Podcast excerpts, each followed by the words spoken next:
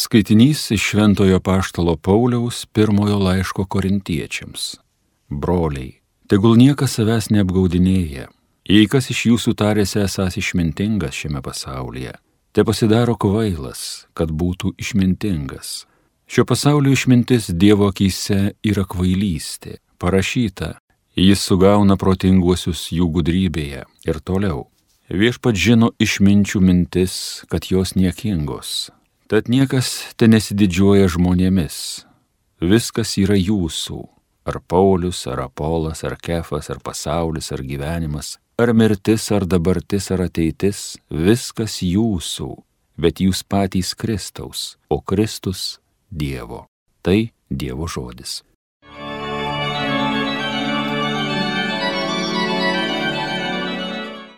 Viešpatie žemė ir kas ant žemės.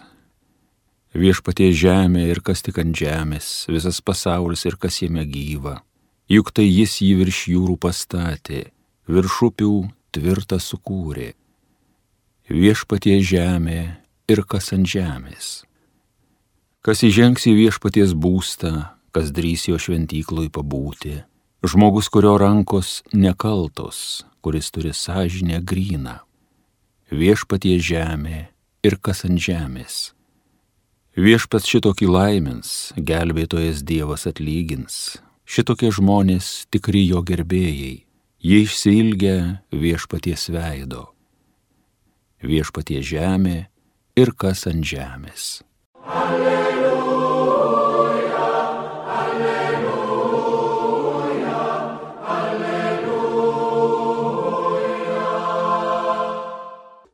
Eikite paskui mane, sako viešpats, aš padarysiu jūs žmonių žvėjais. Alleluja, alleluja, alleluja. Iš Evangelijos pagal Luką. Kartą, kai minios veržėsi prie Jėzaus klausytis Dievo žodžio, jis stovėjo prie Genezareto ežero ir pamatė dvi valtis sustojusias prie ežero kranto. Žvejai buvo išlipę iš jų ir plovė tinklus. Įlipęs į vieną valtį, kuri buvo Simono, jis paprašė jį truputį atsistumti nuo kranto ir atsisėdęs mokė minės iš valties. Baigęs kalbėti, jis tarė Simonui, irkis į gilumą ir išmeskite tinklus valksmui.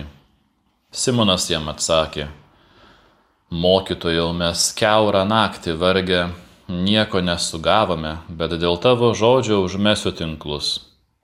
Tai padarė, jie užgrebė didelę daugybę žuvų, kad net tinklai pradėjo trukinėti. Jie pamojo savo bendrininkams, buvusiems kitoje valtyje atplaukti į pagalbą. Tiems atplaukus jie pripildė žuvų abi valtis, kad jos ko neskendo. Tai matydamas Simonas Petras puolė Jėzų į kojas, sakydamas, Pasitrauk nuo manęs viešpatie, nes aš nusidėjėlis. Mat jį ir visus jo draugus suėmė išgastis dėl to valksmo žuvų, kurias jie buvo sugavę.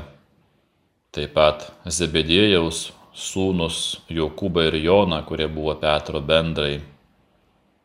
O Jėzus tarė Simonui, nebijok nuo šiol jau žmonės žvejosi. Išvilkę į krantą valtis, jie viską paliko ir nuėjo paskui jį.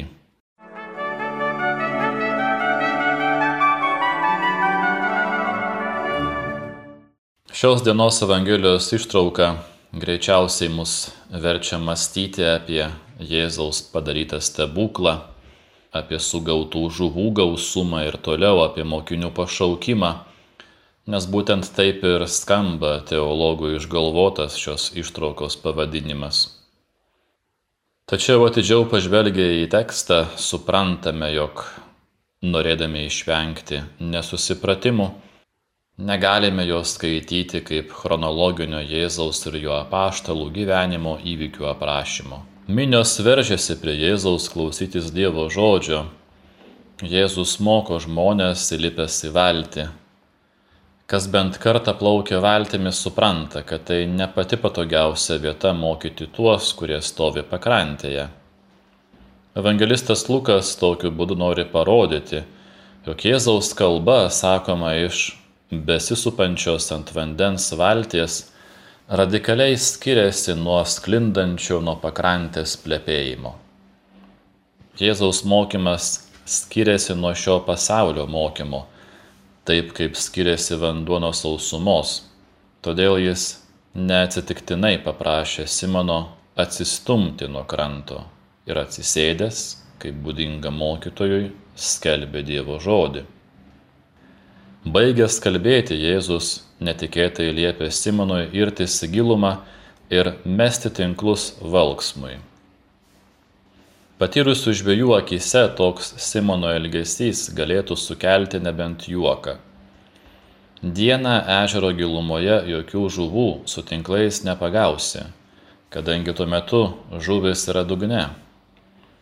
Jėzaus žodis šį kartą tai nėra prašymas atsistumti nuo kranto, bet liepimas irtis į gilumą. Nėra nei logiškas, nei ekonomiškai pagrystas. Nėra jokio pagrindo klausyti Jėzaus. Verčiau reiktų pasikliauti savo patirtimi ir sveiku protu. Tačiau Simonas atsako Jėzui, dėl tavo žodžio užmesiu tinklus. Dėl tavo žodžio. Dėl Evangelijos žodžio. Dėl Dievo žodžio.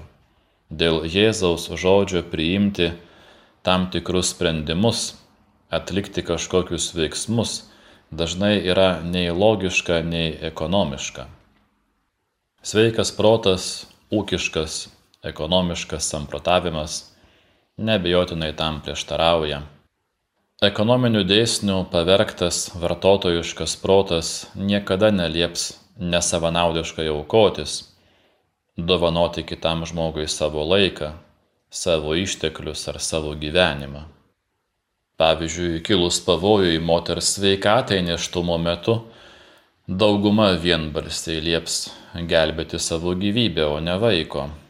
Priešingas elgesys sukeltų pyktį, nepasitenkinimą ar pagėžą.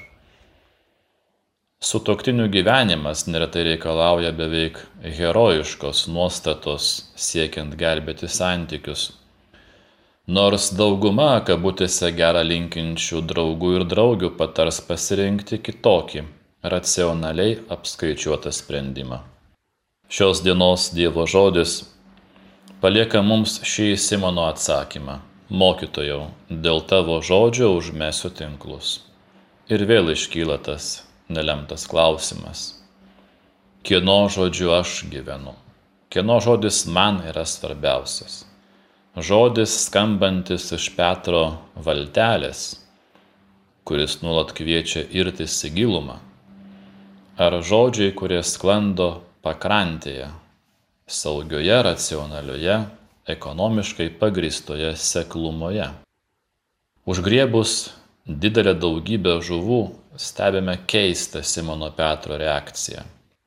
Puolęs Jėzų į kojas jis sako, pasitrauk nuo manęs viešpatie, nes aš nusidėjėlis. Kodėl pagavus didelį laimikį žmogus išpažįsta savo nuodėmes? Argi žvėjai pagavę didelę žuvį staiga prisimena, kad jie yra nusidėjėliai ir eina iš pažinties? Toks šios Evangelijos ištraukos paradoksas siekia dar kartą mums priminti, kad šio pasakojimo esmė nėra Jėzaus padarytas stebuklas Jėzus tarė Simonui, nebijok, nuo šiol jau žmonės žvejosi. Ir vėl atrodytų, ko čia dabar bijoti. Ar Petras nėra matęs daugybės žuvų tinkle? Iš ties, Jėzaus pažadas, nuo šiol jau žmonės žvejosi, graikiškame tekste skamba ne kaip žvejosi, bet kaip trauksi į gyvenimą visus, kurie yra patyrę susitikimą su Jėzumi, kurie yra priėmę jo žodį kaip gyvenimo žodį, įpareigoja šis Jėzaus įsakymas - trauksi žmonės į gyvenimą.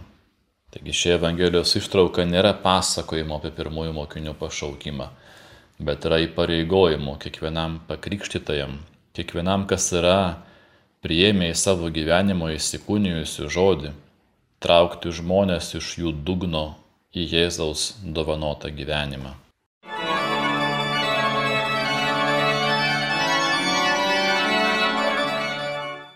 Homilija sakė kunigas Vladimir Solovėjai.